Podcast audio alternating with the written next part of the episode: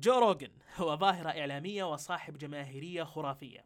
في 2019 بودكاست تجربة جو روجن أو The Joe Rogan Experience برز في إحصائيات منصات البودكاست أن لديه ما يقارب ال 190 مليون تحميل شهريا. جو روجن لديه أكثر من 12 مليون مشتركة على منصة يوتيوب. ثيم البرنامج بسيط. مجموعة واسعة من الضيوف يتم استضافتهم للحديث عن مجموعة واسعة من المواضيع. لساعة أو ساعتين أو أكثر. في 2020 تم توقيع عقد بين جو روجن وشركة سبوتيفاي للصوتيات بقيمة 100 مليون دولار. فقط من أجل حقوق هذا البودكاست.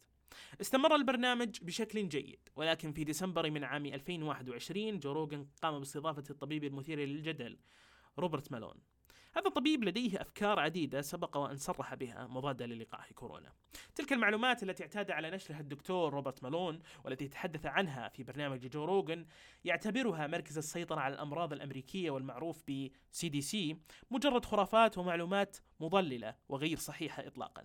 مما جعل الكثيرين يهاجمون جو روجن صاحب البرنامج ذا الجماهيرية العالية على إتاحته الفرصة لهذه الترهات بل إنهم قد طالبوا بإيقاف برنامجه. وهناك فنانين لديهم ألبومات على هذه المنصة منصة سبوتيفاي. قالوا إن لم يتم إيقاف برنامج جوروجن فنطالب بسحب ألبوماتنا من هذه المنصة. فما الذي حدث؟ وما القصة؟ ومن الذي انتصر؟ كل ذلك وستعرفونه وأكثر معي أنا فهد تركي في بودكاست لتؤنس منفعك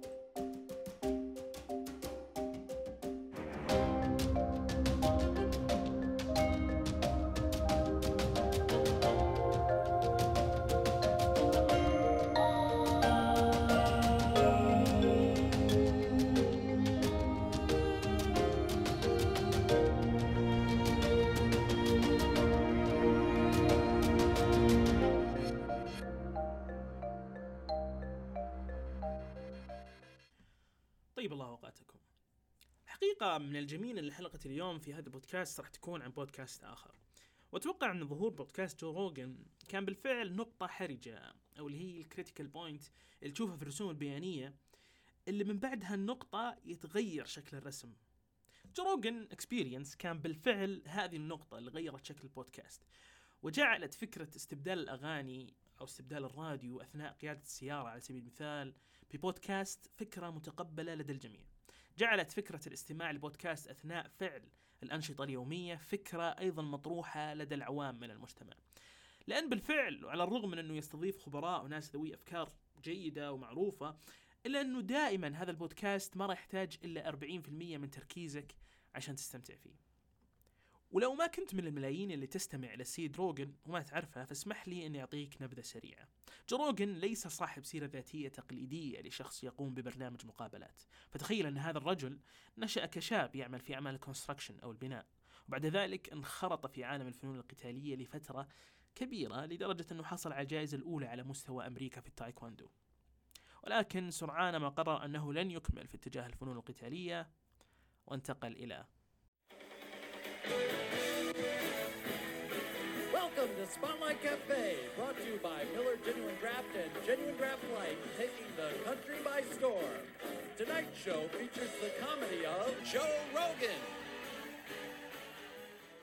انتقل إلى مجال الكوميديا قدم العديد من العروض الكوميدية خلال بداية التسعينات ومن ثم انتقل إلى لوس أنجلوس ليصبح full time stand up comedian وتصبح هذه العروض هي وظيفته الوحيدة إلى أن وصلنا إلى العام 2000 من التاريخ الميلادي تم اختياره في هذا العام أن يكون مقدم لواحد من أشهر البرامج في التلفزيون الأمريكي آنذاك وهو برنامج يدعى Fear Factor هذا البرنامج كان عبارة عن تلفزيون واقعي يجيب مشتركين من أنحاء أمريكا ويحطهم في تحديات مخيفة ومقززة أحيانا.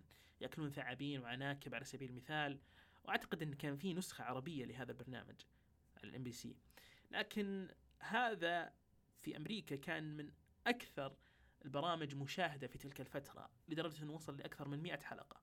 وكان بالفعل يشكل حالة جديدة في الترفيه الأمريكي. وكان في أمريكا يعني تقريبا الكل يتابعه. وأحد أسباب النجاح كانت شخصية مقدم هذا البرنامج وتفاعله مع المشتركين. مقدم بالطبع كان جو روجن وبعد ذلك بدينا في حقبة هامة جدا في تاريخ جو روجن وهي Truly is an honor to welcome back to the broadcast team here on the Ultimate Fighting Championship, the host of NBC's Fear Factor, Joe Rogan, our old sideline guy, interviewing the fighters years ago. Joe, Back again. Hey, you know the nice thing about you being part of this. جو روجن أصبح معلق على مباريات الفنون القتالية أو المعروفة الآن ب UFC وتلك الفترة كانت فترة صعود لتلك المباريات وازدياد لجماهيريتها كان بالفعل جو روجن هو الوجه الإعلامي لتلك البطولات وفي تلك الأثناء وهو كان معلق على مباريات ال UFC بدأ جو روجن في 2003 إنه يسجل بعض الأحاديث اللي تجري بينه وبين محللين ال UFC بعض المقاتلين ومجموعة كبيرة أخرى من أصدقائه الموجودين في صناعة الترفيه بشكل عام في أمريكا. هذه الأحاديث المسجلة كانت فعلا أحاديث ما بين صديقين عادية جدا وطويلة وما لها أي مسار محدد. تتسم بخفة الدم والكوميديا. هالشيء استهدف شريحة معينة جديدة من الجمهور وهي شريحة أغلبيتها الساحقة من الرجال. ولكن ولفترة طويلة من تلك البدايات فترة تتجاوز السنوات. كانت القاعدة الجماهيرية لهذه الأحاديث المسجلة بسيطة جدا. لا تتجاوز ال 2000 إلى 3000 مستمع فقط.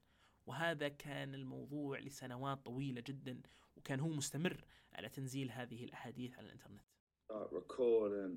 Son, ladies and gentlemen, welcome to the broadcast.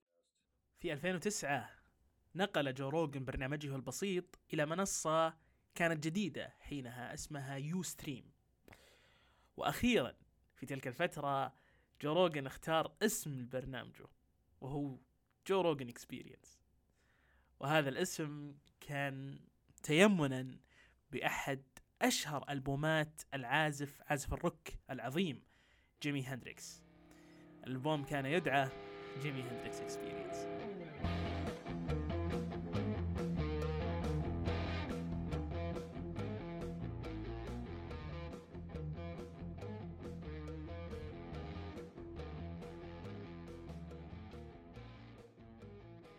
بعد استمرار ونجاح لا بأس به للبودكاست قرر جو روجن أنه يخلي هذا الحديث مع الضيف مصور وينقلوه إلى اليوتيوب. هذا القرار في الحقيقة هو اللي نقل برنامج جو روجن إلى وضع جديد.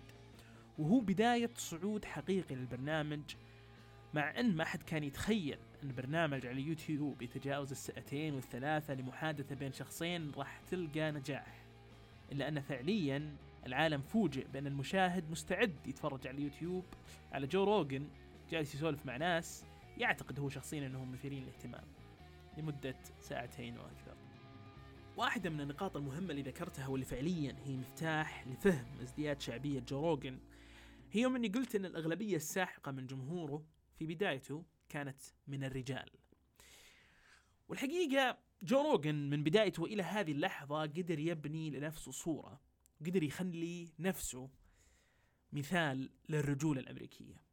لو تلقي نظرة الآن على الناس اللي يستمعون لجو روجن بكثرة من الجمهور الأمريكي ستجد أنهم من الطبقة المتوسطة من الأمريكان العاملين اللي عندهم عائلة طبيعية محبين لمشاهدة المباريات في عطلات نهاية الأسبوع يربون عيالهم على المبادئ والقيم ولكن في نفس الوقت يلقون نكات خارجة من حين إلى آخر ترى هؤلاء هم شريحة كبيرة لكنهم ليسوا السائدين في أمريكا هذه الشريحة نقية من ترهات اليسار الأمريكي وحملات المثلية وغيرها.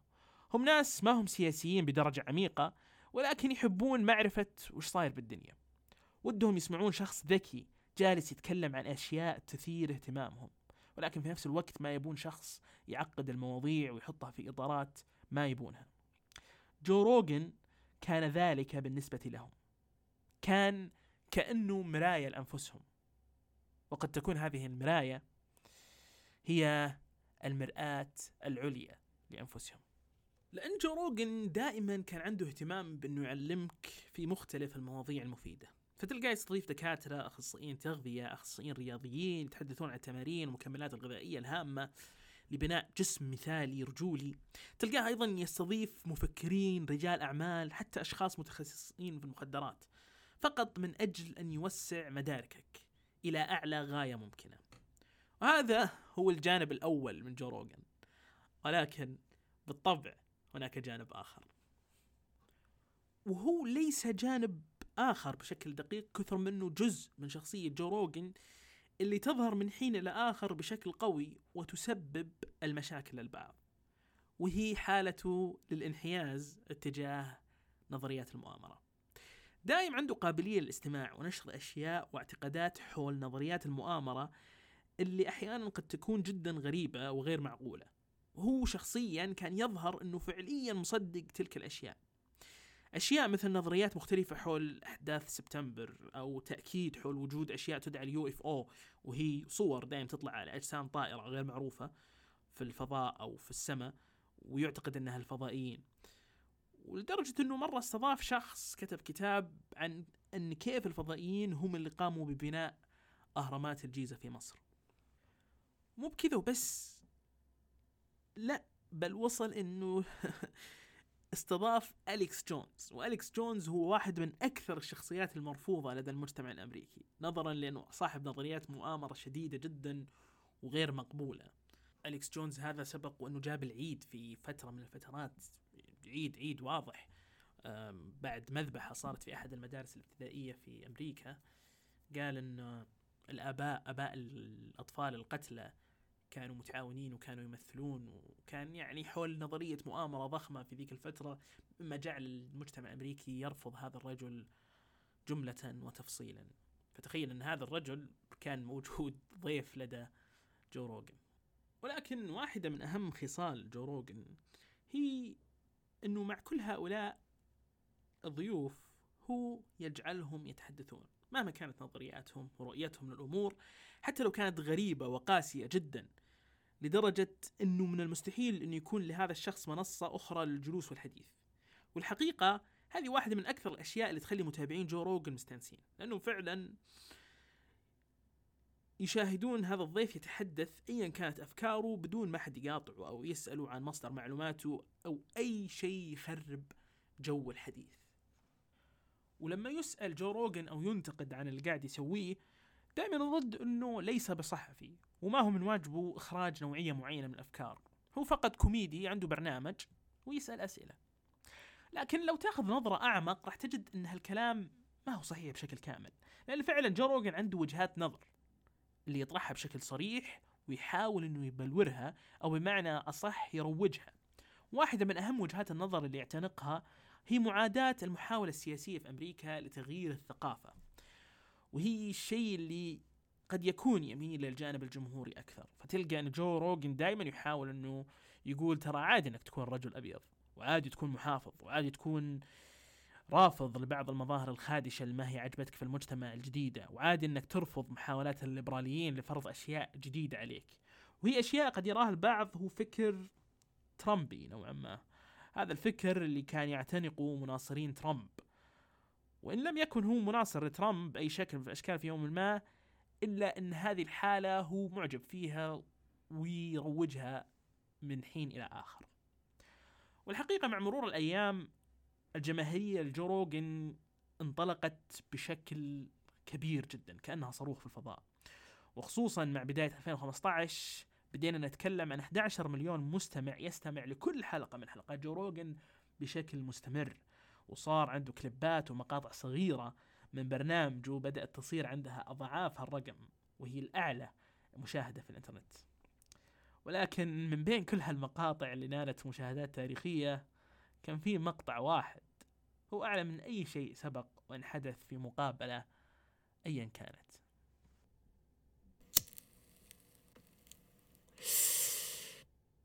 So is that a joint? Or is it a cigar? No, Okay. it's um marijuana it's weed. inside of uh, tobacco. Oh, okay. So it's like posh, pot tobacco Yeah. posh. You never had that? Yeah. حلقة إيلون ماسك أغنى رجل في العالم الرجل المميز وصاحب الشعبية الهائلة اللي ما يطلع في أي لقاء. يعني نادرا أنه يطلع في أي لقاء. هذا الرجل يذهب إلى برنامج جو روجن ويدخن الحشيش. وبدأ يتكلم عن أشياء جديدة. بدأ يتكلم عن طفولته وعن كيف عقله يعمل. هذه المقابلة لها أكثر من 200 مليون مستمع إلى الآن. وهذه كانت واحدة من أكبر القفزات في برنامج جو روجن وأول قفزة حقيقية. عشان كذا تحدثنا عنها. أما القفزة الثانية كانت انتقال برنامج جو روجن إلى منصة سبوتيفاي للصوتيات. بعقد تتجاوز قيمته ال 100 مليون دولار. ولكن السؤال وش اللي يخلي جو روجن تكون قيمته بهذا المبلغ الجبار؟ عشان تجاوب على هذا السؤال لازم تعرف إن سبوتيفاي بدأت كمنصة للاستماع للأغاني. وكان نموذج عملهم هو عبارة عن عرض الألبومات الموسيقية للفنانين في مقابل اشتراك شهري يقوم به الشخص الراغب في الاستماع. وفي مقابل كل أغنية وألبوم يعرض عندهم سبوتيفاي راح تعطي نسبة معينة من أرباح الاشتراكات لشركات الإنتاج اللي قامت بإنتاج هذه الألبومات لهؤلاء الفنانين.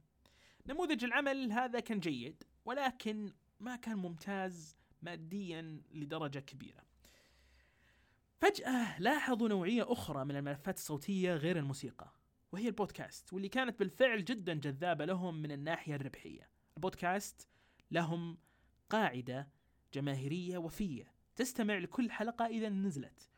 ولقوا أن المستمعين للبودكاست عندهم قابلية أكبر للاستماع لأشياء أخرى في المنصة نفسها اللي قاعدين يستمعون فيها البودكاست مثل الأغاني بعد ما ينتهون من استماعهم للبودكاست.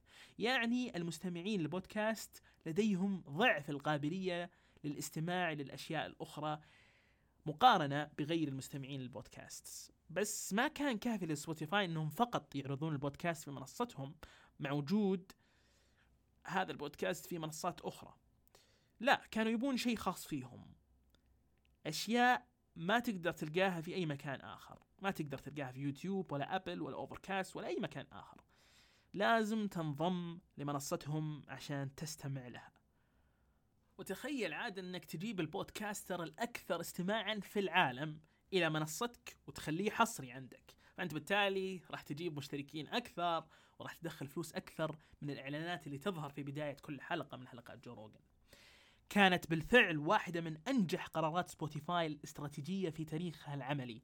وخلال أقل من ست شهور بعد عقد هذه الاتفاقية سبوتيفاي قدرت تتخطى أبل بودكاست كأكثر منصة عليها مستمعين البودكاست في العالم.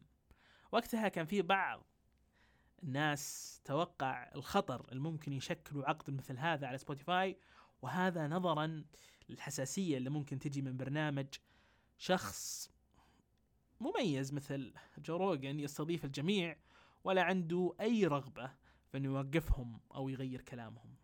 ولكن سبوتيفاي تجاوزت هذا الموضوع نظرا لأن العائد المادي اللي راح يخلفه هالبودكاست وقالوا أن إن شاء الله ما في شيء بيصير.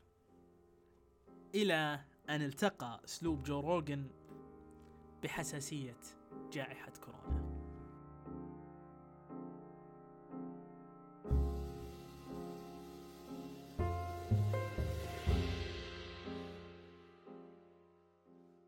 في نهاية ديسمبر من عام 2021 استضاف جو روجن طبيب يدعى روبرت مالون وهو عالم فيروسات وشخص قام بأبحاث في الثمانينات من القرن الماضي على تقنية mRNA وهي التقنية المستخدمة في إنتاج اللقاحات وتحديدا لقاحات كورونا الآن. لكنه وبعد ظهور فيروس كورونا سرعان ما أصبح داخل إطار معين. صار منبوذ من قبل المجتمع الطبي والعلمي ولكنه في الوقت نفسه أصبح محبوب من قبل اليمين الأمريكي. صار يظهر بكثرة في برامج الجمهوريين وسبب شهرته في الفترة الأخيرة هي معلوماته المضادة بشكل كامل للقاح كورونا مستندا على مسألة أنه هو من أوائل العلماء اللي أجروا أبحاث على التقنية المستخدمة في اللقاحات. وهذا غير نظريات مؤامرة أخرى مختلفة عن كورونا مثل واحدة من النظريات اللي ذكرها أيضا في برنامج جو روجن هي أن مستشفيات في أمريكا كانت تتلقى دعم مقابل كل مريض كورونا تسوء حالته في المستشفى وأن المستشفى تتلقى مكافأة سخية مقابل كل شخص يموت من كورونا. هذا الرجل بأفكاره الغريبة لديه مجموعة من المستابعين والمتابعين لكن كانوا قليلين جدا يعني لا يتجاوزون حاجز بضعة مئات. ولكن الآن فجأة هذا الرجل برفقة جو روجن أصبح أمام ملايين المستمعين لينشر أفكاره الغريبة.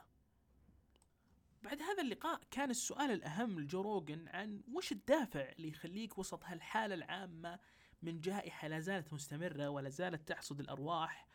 والناس الآن في حاجة دائمة إلى معلومات أكيدة وبعيدة عن أي لغط. وش الدافع اللي يخليك تستضيف مثل هذا الشخص؟ وكانت إجابة جو روجن أنه لا زال يسوي نفس الشيء اللي لطالما كان يسويه وهو أنه ما يهم أفكار الضيف قد ما يهمه مدى اختصاصية هذا الضيف في الموضوع اللي قاعد يدرسه. وإنه هو دائما واعد نفسه بإنه يعطي الفرصة الكاملة للجميع من أجل الحديث. ولكن في الحقيقة جو روجن لديه أفكار خاصة تجاه كورونا وإنه لطالما عبر عن تشكيكه في أشياء كثيرة وهو أصلا جته كورونا قبل كم شهر وعالج نفسه بدواء يدعى ايفرمكتن وهو دواء منظمات الصحة في أمريكا وفي العالم قالوا إنه ما له أي فعالية ضد كورونا لكنه كان يستخدمه. ودائما كان عنده اعتراضات على سبيل المثال على الكمامة وغيرها من الأشياء وال والقوانين حول اللي أتت حول كورونا. فبالتالي أعتقد الكثيرين إنها ما كانت مسألة عرض أسئلة وأجوبة بل كانت شك كامن داخل جو روجن عرضوا للجميع من خلال استضافته لهذا الدكتور. حقيقة ما أدري شلون أقدر أوصف مدى الجدل وال- والحالة العامة اللي خلقتها هذه الحلقة بعد صدورها. كانت حالة هستيرية من الرفض الناس ما هم مصدقين كيف أن دكتور مثل هذا بهذه الأفكار الغريبة يظهر كذا بهدوء وببساطة في البرنامج دون أي آه، تحذيرات ودون أي إيقاف له لكل هذه المعلومات الغريبة اللي قاعد ينشرها. لدرجة أن في 250 طبيب في أمريكا كتبوا رسالة لسبوتيفاي مطالبين مطالبة تامة بإيقاف هذا البرنامج. إيقاف برنامج جو روجن لأنه أصبح source ومصدر للمعلومات المضللة بعد هذه الحلقة. وازدادت الاستهجانات والمطالبات اتجاه سبوتيفاي بشأن إيقاف الذي يحدث من صحفيين وإعلاميين في التلفزيون وغيرهم إلين وصلنا إلى نقطة نقطة تحدي وهي ظهور فنان يدعى نيل يانغ وهو فنان كبير ويعتبر من الأساطير في الغناء. هذا الرجل أعتقد أن كان عنده خسر بعض الأحبة بسبب فيروس كورونا. فكان بالنسبة له مسألة شخصية. فظهر وقال لسبوتيفاي أنا عندي ألبوماتي وأنا يعتبر أسطورة من أساطير الغناء فيا أنا يا جو روجن. لو ألبوماتي راح تكون موجودة على منصتكم فلازم جو روجن ما يكون موجود. ولكن وعلى الرغم من أسطورية هذا الرجل إلا أن جو روجن أمام جو روجن الكثيرين يصبحون لا أحد. فتم الاستغناء عن نيل يانغ بسهولة أمام هذا التحدي. ولكن مو بس نيل يانغ ظهر أسطورة أخرى في عالم الغناء وهي وهو جوني ميتشل. وقال نفس الكلام يا أنا يا جو روجن وسقط أيضا أمام جو روجن وتم سحب جميع ألبوماته من هذه المنصة. فكل أساليب هذه الضغط لم تنفع مع سبوتيفاي أساليب ضغط قوية جدا لكنها لم تؤثر ولا بنسبة واحد في المية بسبب القوة الجماهيرية الضخمة جدا لجو روجن فعرفوا أن ما في حل. وقالوا طيب نبغى رد نبغى أي شيء منكم يا سبوتيفاي تجاه الحلقة الكارثية. فقالوا حنا منصة تعرض هذا البودكاست وحنا موقعين في العقد مع جو روجن ان ما نقدر نتدخل في المحتوى اطلاقا. وحنا أصلا شوف إحنا عندنا كم كم الأغاني اللي موجودة عندنا. عندنا أغاني ل rappers جدا مشهورين فيها كلمات مسيئه وسب وشتم وهذه معروضة والناس ما, ما, ما عندكم مشاكل معها. فإحنا فقط منصة للعرض. ومع إن جو روجن كان رافض إنه يرد إلا إنه لقى إن الوضع يعني خلاص يحتاج رد فنزل فيديو على الإنستغرام وقال نفس الكلام اللي يقوله دائما. قال أنا رجل كوميدي عندي برنامج وأطرح أسئلة فقط وما لي دخل في الضيف. وهو كان شيء يعني لا يزال غير مقبول لدى الصحفيين والإعلاميين وبعض الناس المتابعين لكنه استمر على موقفه ولا صار شيء. وبعد مطالبات زيادة خرج ال CEO لسبوتيفاي وقال ما راح نشيل البرنامج ولكن راح نحط تحذير تحت الحلقة إن ترى فيها ممكن تكون معلومات غير دقيقة عن كوفيد 19 ولكن لم تتوقف المسائل إلى هذا الحد فقط. في يوم 3 فبراير وبعد عدة أيام من هذا اللغط صدر شيء جديد وقوي جدا. Hey y'all, I want to leave a short message here about why I decided to why I decided to ask my music be pulled off of Spotify. So check this out. Says, okay, take me to this one. And the guy goes, okay. I goes, that in a good neighborhood? مطربة أمريكية من أصحاب البشرة السمراء تدعى أندي آري هذه المطربة ظهرت في فيديو وقالت إن أنا محترمة الناس جدا اللي قاعدين يشيلون أغانيهم من سبوتيفاي عشان ال misinformation أو المعلومات ال- المضللة اللي ينشرها جو روجن آه، في سبوتيفاي عن كوفيد ولكن أنا راح أشيل أغاني من سبوتيفاي لسبب آخر وهي أن جو روجن عنده مجموعة من البودكاستات السابقة الموجودة في سبوتيفاي بس إنها قديمة كان يقول ال N-word وهي كلمة محرم قولها من قبل أي شخص أبيض. كان يقولها بأريحية ودون أي اعتذار بعد ما كان يقولها. يعني كانت كأنها شيء طبيعي جدا وهو يقولها. كان يقولها بالشكل ال- ما يقول الان وورد لا كان يقول الكلمة بالفعل. في عدة بودكاستات يعني كان الفيديو طويل جدا اللي هي عرضته لتجميعتها يعني لعدد البودكاستات اللي كان يقول فيها هذه الكلمة.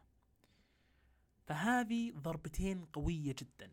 تخيل معي إن إحنا قاعدين نتكلم عن واحدة مو بواحدة اثنين من أكثر المواضيع الحساسة في تاريخ أمريكا الحديث. كوفيد والقضية العرقية. هجوم ساحق على جو روجن ودي أقول لك إنه لو أي شخص في الدنيا لو أي ممثل لو أي رجل حاكم ولاية لو أي شخص أتهم بواحدة من هالأشياء كان سيتم محيه خلال يوم واحد. يعني فيه قضية كانت لحاكم ولاية قبل تقريبا سنة قال معلومة خاطئة عن كورونا وتم إقالته في نفس اليوم. آه، شخص آخر جابوا له فيديو قديم وكان يقول الانورد تم إقالته فورا. جو روجن لمس هالموضوعين في زمن قصير لكن لم يحدث شيء. هذه قوة الجماهيرية.